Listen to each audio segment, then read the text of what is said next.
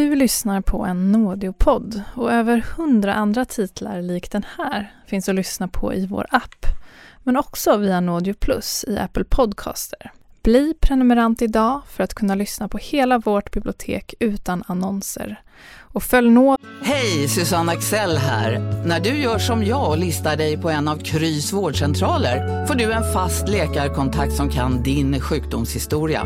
Du får träffa erfarna specialister, tillgång till lättakuten och så kan du chatta med vårdpersonalen.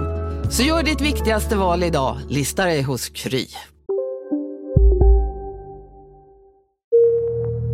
Livrustkammaren är i en utav flyglarna som sticker ut från, från slottet, närmast Slottsbacken. Och jag hade ett fantastiskt tjänsterum med utsikt in emot eh, trädgården där innanför. Det var ett stort fönster. Där satt jag den där dagen vid mitt skrivbord. Det är sent 90-tal. Barbro Bursell är överintendent på Livrustkammaren museet där det svenska kungahusets skatter visas upp för allmänheten. Barbros tjänsterum ligger längst ner bortom en anonym personalkorridor bakom en tung träport i anslutning till museets pelarsal. Och då ringer telefonen och det är en engelsman och säger att han har något som jag vill ha. Mannen, som presenterar sig som en konsthandlare i London, påstår att han har ett föremål som tillhör Livrustkammaren. En klocka. Barbro Bursell har jobbat i museivärlden i hela sitt liv. Men vid den här tiden bara varit chef på Livrustkammaren ett par veckor. Hon förstår inte vad han pratar om.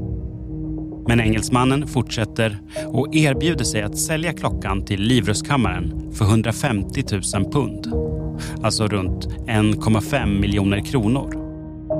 För ett föremål som enligt mannen i telefonen redan tillhör museet. Så jag säger att jag vet inte vad han talar om och jag har ändå inte de där pengarna. Och då säger han, det är ingen fara, du har nog en hel del silver. Ja, jag tyckte det var helt skumt. Så där gör man ju inte om man är seriös. Då hade han väl presenterat det på ett helt annat sätt. Samtalet tar slut. Något byte mot museets silver är inte aktuellt.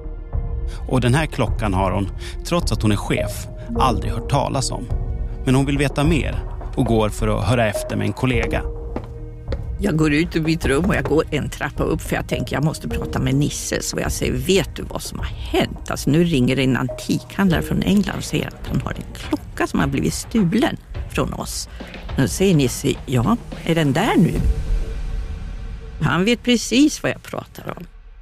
Nisse heter egentligen Nils Dreiholt och han har jobbat på Livrustkammaren sedan 60-talet. Och klockan, berättar Nils, är inte vilken klocka som helst.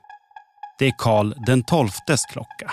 Ett av Livrustkammarens mest storslagna föremål som varit spårlöst försvunnet från museets samlingar sedan 1968.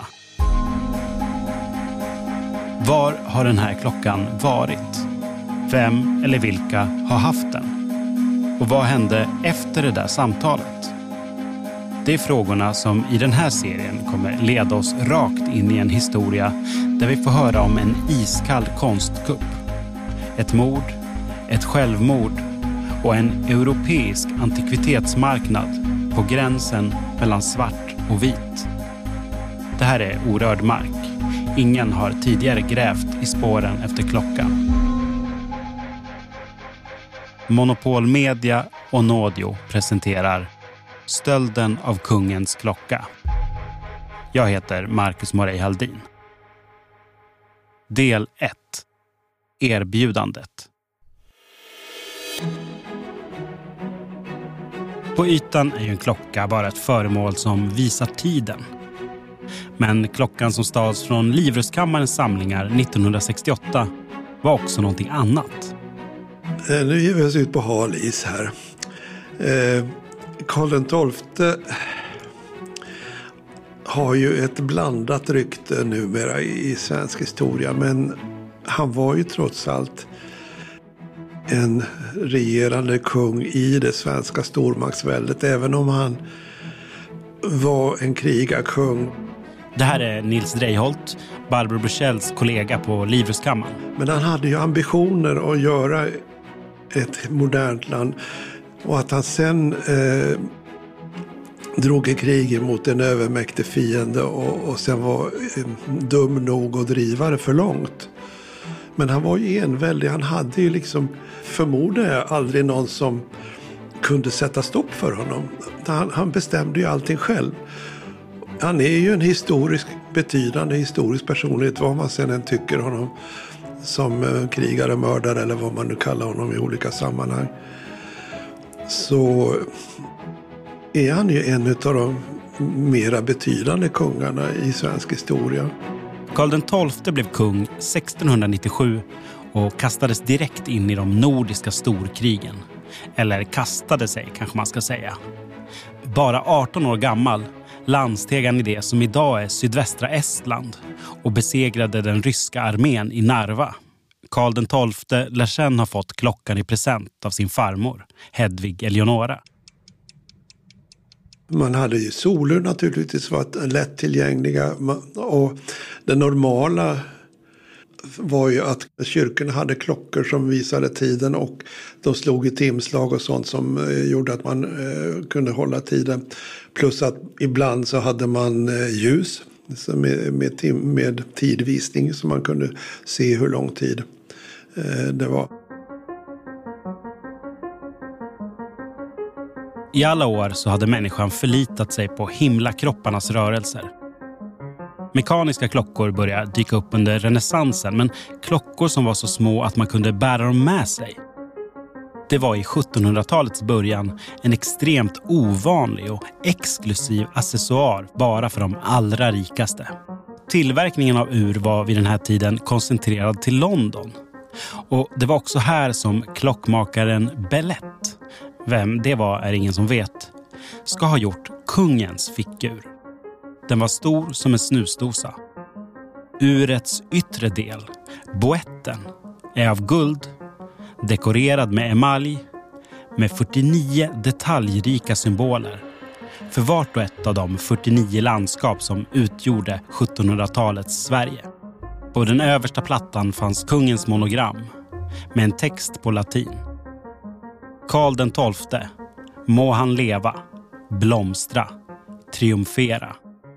Det var alldeles uppenbart en skatt som enligt Nils Dreiholt kan ha tagit ett halvår att tillverka. Föremål av den här kvaliteten är ju aldrig en persons verk. Om det är en tillräckligt stor urmakare så har han en verkstad med eh, specialister som gör de olika grejerna. Och eftersom det här är så magnifikt så är till exempel ytterboetten eh, med de här vapnen gjorda av en annan guldsmed i London. Så Belett var ju egentligen bara skaparen av urverket. Och sen hade han säkerligen eh, stålsmeder som gjorde eh, fjädrarna. Han hade gravörer eh, anställda som gjorde den här magnifika dekoren. Och sen ytterligare en person, nämligen emaljkonstnären som gjorde vapnen på utsidan. Så det är åtminstone fem hantverkare som har varit inblandade i tillverkningen av klockan. Det kanske är en självklarhet för många, men ett föremåls ekonomiska och antikvariska värde beror förstås på föremålet i sig, men också på föremålets historia, eller proveniens. Och kanske var det det här som ledde till att klockan plötsligt försvann ur samlingarna 1968. Och vad kunde vara mer värdefullt än ett unikt hantverk i guld som dessutom tillhört en av Europas mest mytomspunna kungar.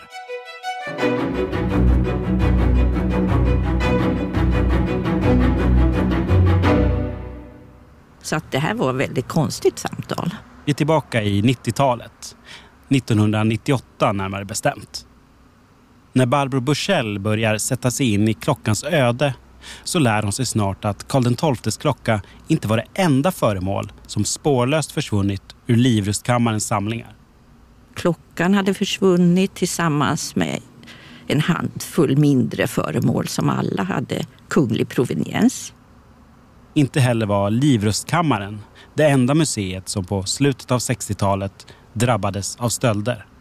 Det var sommaren 68 och bara inom några dagar så hade även Skokloster slott haft påhälsning. Museer i Göteborg, Örebro och Jönköping tror jag. Det var en stöldturné. Och man tror ju att det här var ett beställningsjobb. Du lyssnar på en Nådio-dokumentär och så här låter några av våra andra titlar som finns att lyssna på som prenumerant. Via vår app eller Apple Podcaster. En vacker försommardag 1960 hittas tre ungdomar döda vid en vykortsvacker sjö i södra Finland. Det här är historien om plastikkirurgen Karl-Åke Troilius uppgång och fall. Ormen Friske flydde bombningen vid Helgoland. En bit ut eh, på en strand så hittar han en kropp. Bli prenumerant så kan du lyssna i timmar helt utan reklam. Nu på Storytel. Första delen i en ny spänningsserie. En liten flicka hittas ensam i en lägenhet. Hennes mamma är spårlöst försvunnen. Flickans pappa misstänks för brottet men släpps fri trots att allt tyder på att han är skyldig. Olivia Oldenheim på åklagarkammaren vägrar acceptera det och kommer farligt nära gränsen för vad hon i lagens namn tillåts göra. Lyssna på När allt är över av Charlotte Al-Khalili på Storytel. Njut av Max Selection El Maco med Premium Beef. Vår saftiga och lyxiga burgare av 100% svenskt nötkött och 100% fantastisk smak. För ett ännu godare McDonalds.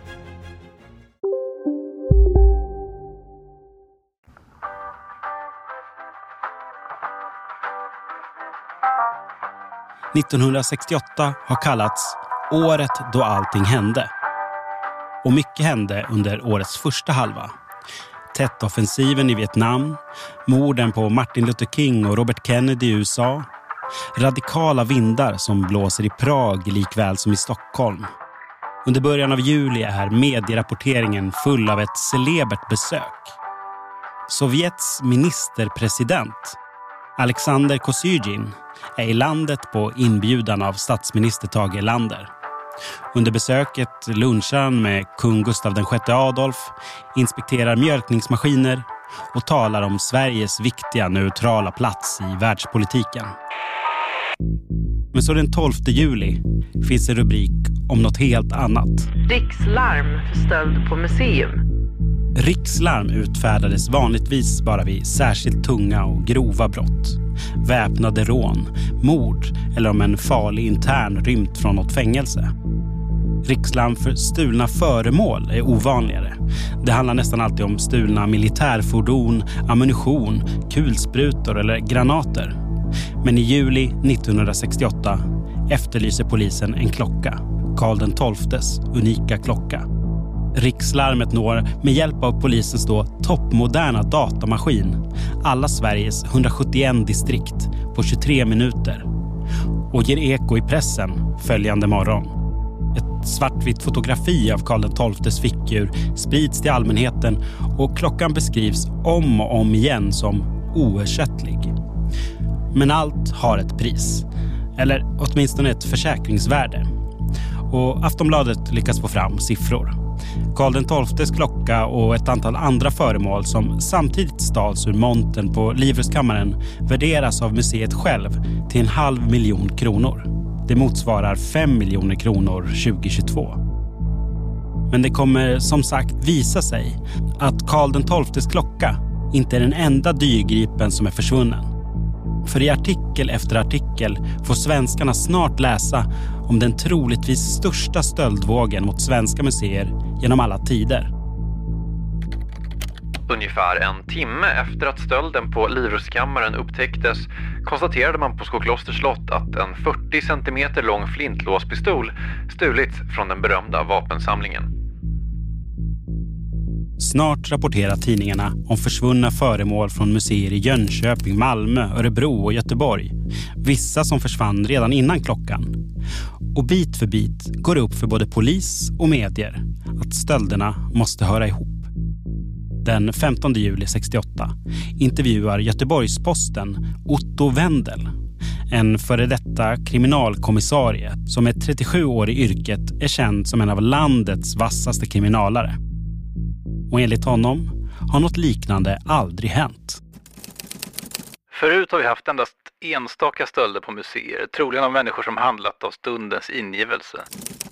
Den senaste tidens stölder verkar emellertid så väl organiserade att det måste röra sig om en liga. Lördag den 13 juli, två dagar efter stölden på Livrustkammaren i Stockholm, skriver Svenska Dagbladet. Museitjuvar har varit framme i tre svenska städer under den gångna veckan och stulit föremål vilkas värde omöjligt går att uppskatta. Och det bara fortsätter, dag efter dag.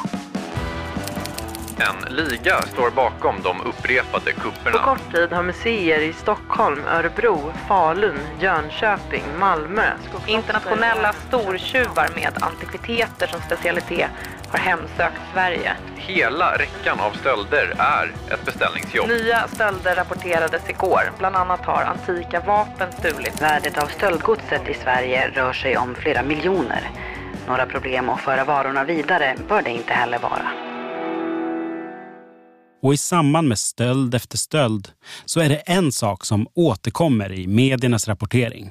Föremålen som stjäls från museerna försvinner ofta mitt på blanka dagen och allt som tjuvarna använder är stämjärn, trekantsnycklar eller skruvmejslar. Armémuseum. Man hade brutit upp montern med en vanlig trekantsnyckel eller skruvmejsel. Malmö museum. Tjuven har öppnat montern med ett stämjärn. Livrustkammaren. Montern hade en låsanordning som enligt polisen var mycket bristfällig för så dyra föremål. Det var barnsligt enkelt.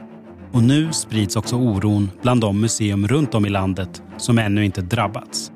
Över hela Sverige går museimän i skräck. Var ska museiligan slå till nästa gång? Göteborgs historiska museum skärper säkerheten. Nattvakten gör flera extra turer i och omkring museet. Ändå lyckas tjuvarna ta sig in i ett rum på andra våningen via några byggnadsställningar och stjäla både silver och vapen. När medierapporteringen ebbar ut så kan man se att Sveriges museer förlorat föremål som tillsammans värderades till runt 750 000 kronor i dåtidens penningvärde. Idag nästan 7 miljoner. Men den verkliga siffran var långt högre eftersom endast tre museer värderat sina förluster i kronor och ören. Och i själva verket, menar Nils Dreiholt på Livrustkammaren, så är det poänglöst att sätta pris på museiföremålen. Inte minst på ett föremål som Karl XIIs klocka. De är ovärderliga. Det finns, liksom ing, ing, det finns ingen, dels ingen marknad egentligen om man inte är tjuv för den. Och eh, det är ju ett historiskt föremål. Det är, är ovärderligt. Det finns, man kan liksom inte sätta något. Vi skulle inte kunna skaffa tillbaka en, en klocka. Dessutom skulle det inte vara Karl XIIs klocka för, för tre eller fem miljoner. Värden i, gripna ur luften. Det är alltså helt tomma värden. Även om det är mycket pengar så det, det är tomma värden. Misstanken är att föremålen förs ut ur landet. Interpols samtliga 100 medlemsländer larmas om stölderna med radiogram och fotografier ska skickas ut. Den svenska tullen har dessutom beordrats skärpt bevakning vid gränsen. Men ingen väntar sig att ligan stoppas eftersom utresande från Sverige ändå aldrig visiteras. Polisdokument från den här tiden visar omfattningen av stöldturnén. Det var hela 15 stölder på 18 dagar under juli 1968. Plus två i Danmark. Från Livrustkammaren stal tjuvarna Karl XIIs klocka men även ett bokband av guld, två kungliga handsigill och en rad mindre föremål. Från andra museer runt landet försvann stora mängder silver, ett fat av elfenben, en bronsstaty och så vapen. Totalt tog tjuvarna 34 antika vapen. Äldst är två hjullåspistoler från sent 1500-tal. De kom från Armémuseum i Stockholm och Skoklosters slott. I polisunderrättelser står det att alla stölderna utom en sker under museernas öppettider. Trots att det rört sig både personal och andra besökare i lokalerna så har polisen bara fått in två signalement på misstänkta personer. På Drottningholms slott har någon sett en okänd man med en tydlig glipa mellan framtänderna. Han ska se ut att vara runt 30 år, 180 centimeter lång med kortklippt blont hår kammat åt sidan och en välsittande kostym. I Malmö har någon sett en man runt 40 klädd i vinterrock. Även han smärt och med mörkblont hår. Vinterrocken som den här okända mannen i Malmö har på sig mitt i sommaren måste ju ha kunnat svälja en hel del om vittnet nu berättar om rätt person. Från Malmö försvann sju gamla pistoler. Den sista stölden skedde på Svaneholms slottsmuseum i Skurup, allra längst ner i Sverige. Ny kupp i Skåne. Det totala antalet museistölder i juli är nu uppe i 17. 15 i Sverige och 2 i Danmark. Och här stannar det upp. Inga fler stölder anmäls. Ingen blir gripen och polisen saknar misstänkta. Tidningarna fortsätter att skriva, de sätter ihop kartor över stöldplatserna och experter fördjupar sina teorier och en debatt om den bristande säkerheten på museerna bryter ut. Det alla undrar är hur tjuvarna lyckades komma undan med de här 15 stölderna på 18 dagar. Under öppettid dessutom. Ja, hur var det möjligt? Det ska vi undersöka i nästa avsnitt av Stölden av kungens klocka. Men först, Mr Moore. För att förstå hela den här historien vill vi också få tag på en av huvudpersonerna. Den brittiska antikhandlaren som ringde Barbro Bushell. Vi har i den här dokumentären valt att kalla honom för Mr Moore. För att hitta britten får vi bläddra i ett väldigt tjockt brunt kuvert. Det här är kopior på nästan allt som finns om turerna kring kungaklockan i Livrustkammarens arkiv. I kuvert finns nu alla fax, brev och annan korrespondens mellan Mr Moore och Barbro Bushell.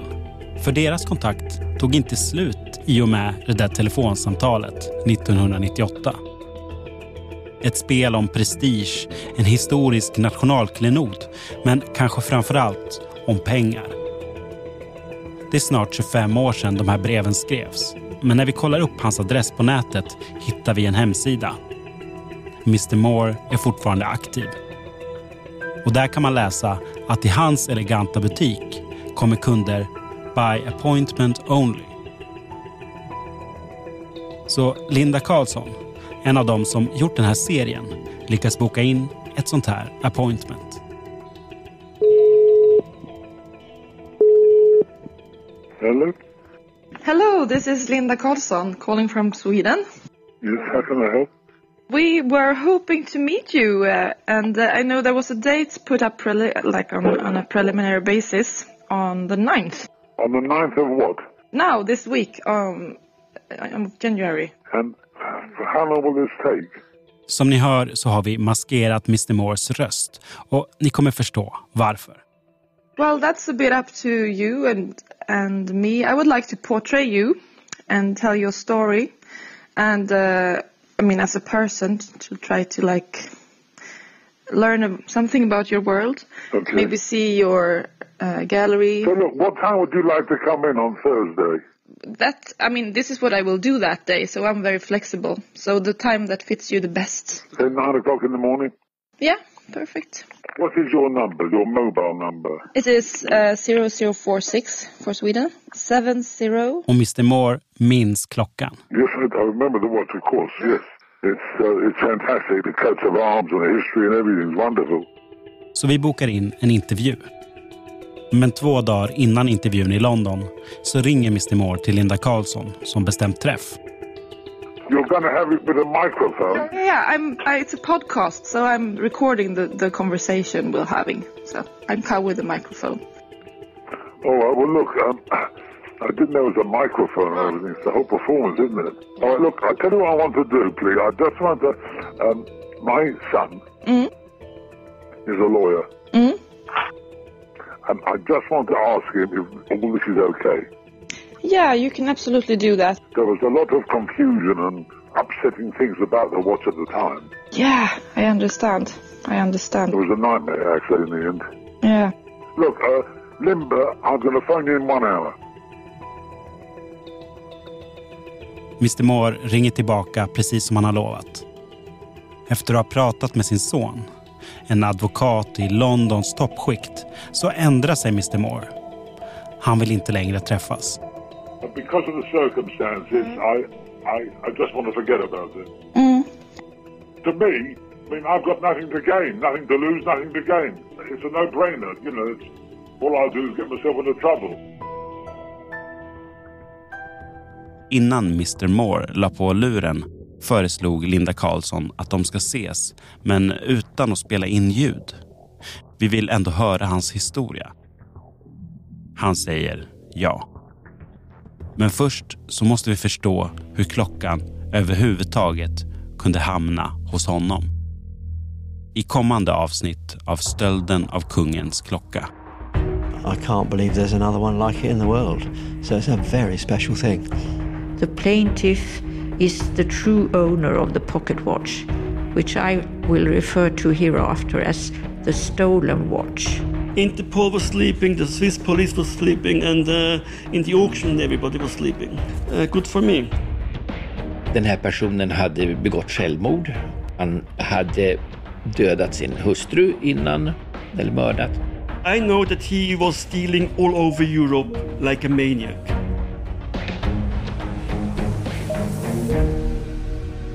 Du har lyssnat på första delen av Stölden av kungens klocka.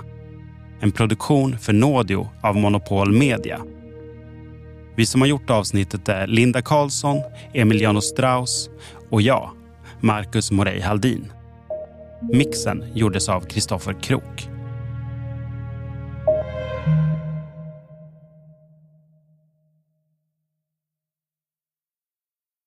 Tack för att du lyssnat. Följ gärna Naudio Docs och glöm inte att mängder av dokumentärer väntar på dig i Naudios app eller via Naudio Plus i Apple Podcaster. Bli prenumerant så kan du lyssna i timmar helt utan